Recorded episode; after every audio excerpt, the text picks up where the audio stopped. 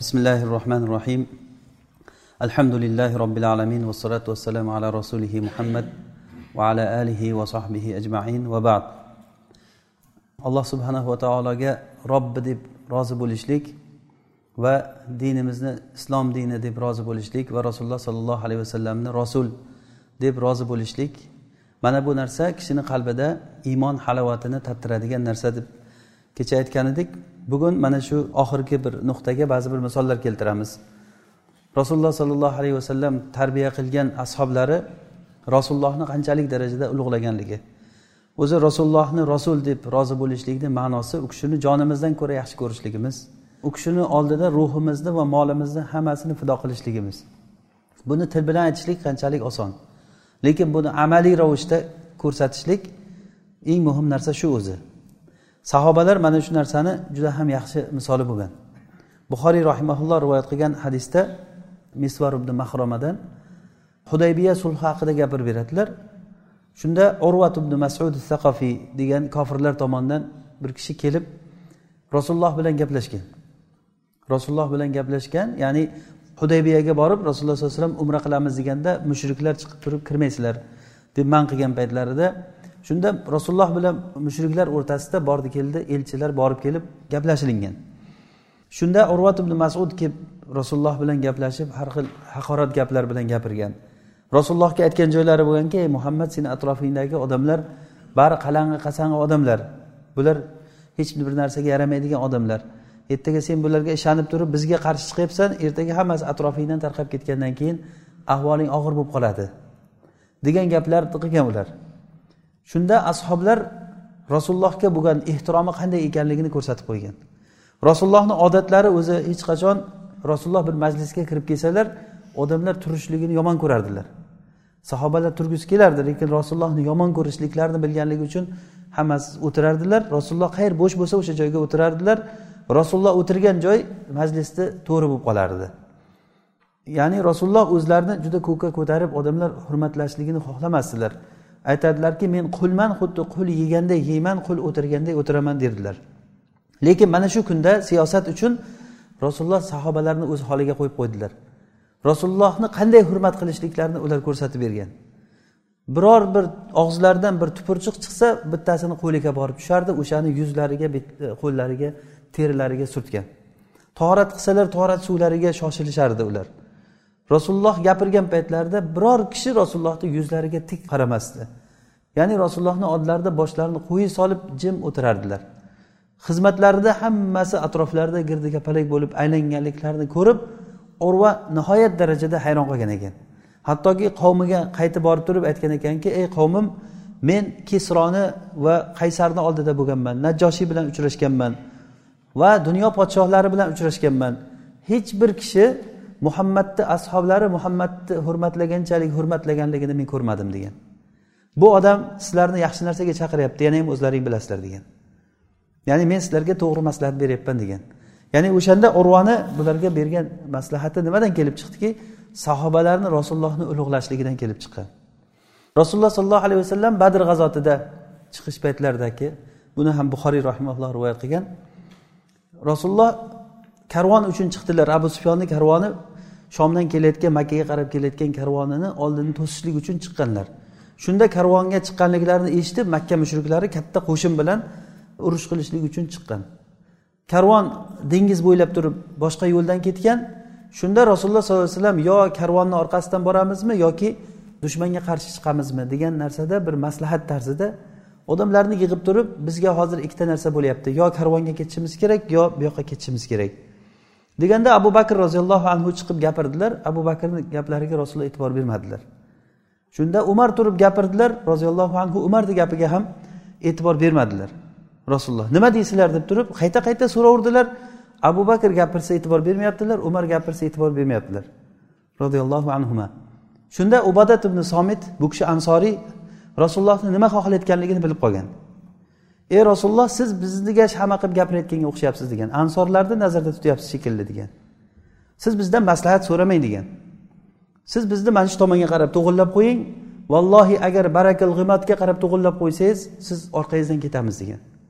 Biz xuddiki bani isroil musoga aytganday izhab anta va robbuka faqatila inna hahuna qoidun sen va robbing bor urushinglar biz mana bu yerda o'tirib turamiz demaymiz. Ba'zi boshqa bir rivoyatlarda keladiki balki biz aytamizki siz va robbingiz boring urushinglar biz ham sizlar bilan birga urushamiz deb aytamiz degan. Mana bu narsa sahobalarni hammasini fikrlari bitta joydan chiqqan. Birortasi birortasi istisno emas bundanki fikri boshqa bo'lib qolganligi. Rasululloh sollallohu alayhi vasallam ularni mana bu tomonga to'g'irlab qo'ysa bo'lmasa ularni qurollari kam ularni tayyorgarliklari juda kam. O'shanday kam bo'lib turib ya'ni soni kam bo'lsa ham zaif bo'lsa ham rasululloh sollallohu alayhi vasallam nima desalar birorta gaplariga teskari gapirishmagan. Sahobalarga rasululloh sollallohu alayhi vasallamni tarbiyalari shunchalik bo'lganki rasulullohni tarbiyalari muslim o'zini sahihida abu said ibn mualla roziyallohu anhudan rivoyat qilib aytadilar bir kishini bir kuni u kishi namoz o'qiyotgan paytda rasululloh uni chaqirdilar. Chaqirganlarida u kishi namozini o'qib bo'lib keyin rasulullohga kelib javob berganda nega men chaqirgan paytimda labbay deb javob bermading? Deganlarida rasululloh namoz o'qidim keyin keldim. Namoz o'qiyapti o'qib turgan edim. Deganda rasululloh aytdilarki sen alloh taoloni so'zini eshitmaganmisan. Ey iymon keltirgan bandalar agar olloh va rasuli sizlarni sizlarni tiriltirayotgan narsaga chaqirsa labbay deb javob beringlar. Ya ayyuhallazina amanu stajibu lillahi va lirrasul idza da'akum lima yuhyikum wa'lamu anna alloha yahulu baynal mar'i va qalbihi. Ya'ni olloh va rasuli sizlarni tiriltirayotgan narsaga chaqirsa labbay deb javob beringlar degan. Olloh va rasulini chaqirig'i bizni tiriltirayotgan narsa bo'lar ekan. O'sha uchun ham ibn qayim rahimaulloh mana shu oyatdan bir ajib bir istinbot qilgan ekanlar. Aytadilarki olloh va rasulini chaqirgan narsasi insonni tiriltiradi deyaptimi? Qanchalik javob bersangiz shuncha tirikligingiz komil bo'ladi. Insonni tirikligini kamolati rasulullohga javob berishligi bilan bo'ladi. Qanchalik darajada ergashyapmiz biz? Hamma narsada. Ovqat yeyishda ham kiyim kiyishda ham o'zini tutishda ham hamma hamma muomalada butun hayot tarzida qanchalik olloh va rasuliga javob bersak biz bizni tirik hayotimizni kamolati shu bilan bo'ladi. Hozir bizda fikrimiz boshqacha. Hayotni komilligi pul ko'pligi bilan uy jihozlarini komil bo'lishligi bilan va boshqa bir ya'ni hayotdagi moddiyotlar bilan o'lchaydi odamlar. Aslida bu moddiyotlar hech qanday bir foyda bermasligini hozir ko'rib turibmiz. Moddiyotlarga to'la to'kis vaqtda yashayapmiz hozir. Hozir mana odamlarni yashayotgan sharoiti oldingi podshohlar bunday yashay olmagan.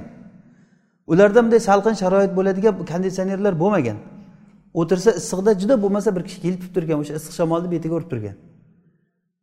Yeydigan ovqatlari ham butun dunyodan yig'ishtirilgan ovqat bo'lmagan o'zini shahrida bor bo'lgan narsani olib kelgan. Hozir bitta joyda o'tirgan joyimizda dunyoni narsasi yig'ilib kelyapti o'shani siz sotib olib yeyapsiz uyingizga borganingizda shunday liftlar ko'tarib uyga olib chiqib qo'yadi. Oldingilar har qancha podshoh bo'lsa ham zinadan o'zi yurib chiqqan. Yoki aravalarda yurgan. Hozirgi agar zaporoj moshinasini olib kelib qo'ysa ham o'sha aravalardan ko'ra yaxshi bo'ladi. Masalan solishtirib qarasak nihoyatda bir emin erkinchilik vaqtda yashayapmiz. Hozir lekin bu moddiyotlarni ko'pligi bizga baxt saodat bermayapti. Mana g'arb bunga yaxshi misol. Qarang qancha narsalar bor. Qancha hozir judayam rivojlanib ketgan paytda yashayapmiz lekin ma'naviy jihatdan juda ham nihoyat darajada qaloq vaqtda yashayapmiz. Odamlarda yurak siqilish kasalliklari vasvasa kelajakdan qo'rqish mana bu narsalar hammasi nima uchun? Olloh va rasuliga javob bermaganligi uchun. Alloh taolo aytyaptiki istajibu lillahi va rasul ida daakum lima yuhyikum. Agar sizlarni tiriltirayotgan narsaga chaqirsa labbay deb javob beringlar deyapti. Demak bizni javob berishligimiz bizni tirikligimiz degani. Bizni hayotimizni kamoloti olloh va rasuliga qanchalik labbay deb javob berishligimiz bilan bo'ladi. Hamma narsada qaysi joyda javob bermadingizmi o'sha joydan pand yeysiz. Hattoki eng muboh bo'lgan ovqat yeyishda ham. Ovqat yeyishda agar rasulullohni yo'li bilan ovqat yemasak o'sha tomondan bizni hayotimizga noqislik kirib keladi. Yo kirib kelmayaptimi? O'shandan qiynalyapmiz hozir biz. Rasulullohga xilof qilganligimizdan qiynal uxlash tartibi deysizmi? Ovqat yeyish odoblari deymizmi? Eri xotinni o'rtasida bo'ladigan muomala agar olloh va rasulini sunnatini ustida bo'lmasa bu hayot komil hayot bo'lmaydi. U sevgi muhabbat degan narsalar u ishq degan narsalar hammasi cho'pchakka chiqib qolaveradi. Kinodagi narsalar bo'lib qolaveradi ular. Odamlar saqofasini o'zini dunyoqarashini hozir kinolardan o'sha g'arbdagi kofirlardan olyapti. Ana shu uchun ham hayot juda ham tiqiz holatga kirib qolgan tanglik hayotiga kirib qolingan. Rasululloh sollallohu alayhi vasallam xuddi mana shunday o'zini ashoblarini labbay deb javob berishlik ustida tarbiyalaganlar. Buxoriy rahimalloh ubadat ibn somit roziyallohu anhudan rivoyat qiladilarki biz rasululloh sollallohu alayhi vasallamga bayat qildik ala sami va toa. Quloq solishlikka va toat qilishlik shartiga ko'ra. Ya'ni bu degani rasululloh nima desalar xo'p deymiz nima desalar aytganini qilamiz degan. Hech qachon sahobalar ey falonchi sen falon ishni qilgin deganda yo'q ey rasululloh mendan ko'ra boshqaga ayting hozir meni vaqtim yo'q demagan. Hozir rasulullohni o'rnilarida kim turibdi? Rasulullohni o'rnlarida sunnatlari turibdi. Rasulullohni sunnatlari bizga qoyim hammasi. Ana shunday bajaradigan kim bor bizni ichimizda? Ana o'sha bajaradigan odamlar bo'lsa ana o'shalarga o'xshagan jamoatga allohni nusrati keladi. Biz birinchi o'rinda olloh va rasuliga labbay deb javob berishlikka o'rganishligimiz kerak. Rasululloh sollallohu alayhi vasallam mana shunday ashoblarni labbay deb javob berishlikka tarbiyalaganliklarini mevasini har qanday buyruq kelgan paytda oldilar. Bulardan biri aroq harom bo'lgan paytda. Muslim rivoyat qilgan hadisda anas ibn molikdan aytadilarki anas aytadilarki men abu talhani uyida mehmonlar bor edi. Abu ubaydat ibn jarroh va boshqa sahobalar birga o'tirib aroq ichib o'tirgan bo'lgan. Aroq u paytda halol payti bo'lgan. O'shanda ichib o'tirganda men yosh bola edim aroq suzib ularga quyib berib turgandim degan. Shunda rasulullohni nido qiluvchisi kelib aytdi ular endi mast bo'lishlikka yaqin bo'lib qolgandi uydagi mehmonlar degan. Mast bo'lishlikka yaqin holatga borib qolganda rasulullohni nido qiluvchisi kelib eshitinglar olloh va rasuli aroqni harom qildi. Aroq harom bo'ldi deganda abu talha anasga buyurgan ekan bor ko'zadagi aroqlarni hammasini to'kib yubor degan. O'sha paytni o'zida ko'zalarini to'kib ko'zalarini sindirib tashlagan. Madinani ko'chalarida aroqlar oqqan biror kishi o'shandan keyin ichmagan. Ya'ni hoziroq borini ichib olaylik keyin to'xtatamiz ham demagan. Borini ichib olaylik o'sha aytilingan paytda to'xtagan. Mana bu rasulullohni tarbiyalarini samarasi bu. Mana shu narsa rasulullohni rasul deb rozi bo'lishlik degani bu. Rasulullohni rozi bo'lishlik degani labbay deyishlik har qanday holatda. Hatto mana qiblani o'zgarishligi. Qiblani o'zgarishligini masalasi ham tarixga yozilgan ish bo'lgan rasululloh madinaga kelganlarida o'n olti oy baytul maqdisga qarab namoz o'qidilar lekin qiblasi kaba bo'lishligini ko'p xohlardilar. Hatto rasululloh biror oyat tushib qolsa deb turib osmonga ko'zlarini ko'p qaratardilar. Alloh taolo aytadiki osmonga sizni ko'zingizni qaratishliklaringizni biz ko'ramiz.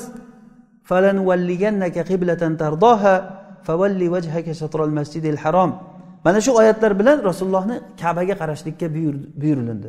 Rasululloh kabaga qarab namoz o'qidilar. Bir kishi borsalar hozirgi masjidi qiblatayn masjidida madinada. Bir jamoat sahobalar baytul maqdisga qarab namoz o'qib turgan payti bo'lgan. Rasulullohni oldidan kelgan kishi ey jamoa qibla o'zgardi kabaga qarab namoz o'qidik deganda namozda rukuda turgan holatda bo'lgan o'sha holatda imom yurib kaba tomonga qaragan qavm shunday aylanib olgan. Rukuda turgan holatda namozda shunday aylanib olgan. Rasululloh nima desalar shuni qilganlar rasululloh uzuk taqqan paytlarida ashoblar uzuk taqdi rasululloh uzuk tashlagan paytlarida hammalari qo'lidagi uzuklarni yechib tashlagan. Rasululloh aytdilarki bu tilla uzukni olloh ummatimni erkaklariga harom qildi dedilar. Rasululloh sollallohu alayhi vasallam oyoq kiyim bilan namoz o'qiganlarida orqada turib oyoq kiyim bilan namoz o'qidilar. Oyoq kiyimlarini yechuvdi namozda hammalari oyoq kiyimini yechdilar nima uchun eshitdingiz deb so'ramagan rasulullohdan namozda turgan holatda. Shunda namoz tugagandan keyin rasululloh nimaga sizlar oyoq kiyimlaringni eshitdilaring? deganlarida ey rasululloh siz eshitdingiz biz ham eshitdik degan. Siz oyoq kiyimingizni yechuvdik biz ham eshitdik deganda meni oyog'imni tagida najosat borligini jibril kelib xabar berdi degan. Shuning uchun eshitdim deganlar. Mana shunchalik darajada rasulullohga ergashilingan bir kuni rasululloh bir sahobiyni qo'lida tilla uzuk ko'rdilar. Shunday olib turib haligi uzukni olib yerga tashladilar. Olovdan bo'lgan narsani qo'llaringga taqib olasizlarmi? deb gapirdilar. Bu tilla harom bo'lgandan keyin olovdan bo'lgan narsani taqib olasizlarmi deganda u sahobiy bilmay taqib yurgan bo'lgan. Shunda rasululloh ketganlaridan keyin yonidagilar maslahat berdi. Olib turib uni ayolingga yo boshqa bir hojatingga ishlatgin deganda vallohi ollohga qasamki rasululloh tashlagan narsani men qaytara olmayman degan. O'sha o'zi o'sha yerda qolib ketgan. Mana bu rasululloh sollallohu alayhi vasallamni bo'lgan ehtiromi bo'ldi. Bizga nima bo'ldiki hozir rasulullohni biz rasul deb rozi bo'lgan odamlar rasululloh so'kilinsa rozi bo'lib qarab o'tiribmiz. Ya'ni eng achinarlisi o'sha rasululloh uchun jonini fido qilgan odamlarni yomonlab ham gapirdik orqasida. Bekor qildi o'sha odamlar deb turib. Rasulullohga jonini fido qilib turib bekor qildi dedik. Bu bizni qanday holatga borib qolganligimizni bir ham yaxshi bir ko'rinishi bu. Rasulullohni rasul deb rozi bo'lingandan keyin bizni ruhimiz jonimiz molimiz hammasi fido bo'lishi kerak shu kishini yo'lida. Bu ba'zi bir misollar ya'ni bu. Hozirgi yana bir ba'zi misollar mollarini rasulullohni yo'lida nafaqa qilganliklari nihoyat darajada odamni lol qoldirayotgan bir hodisalar bo'lgan.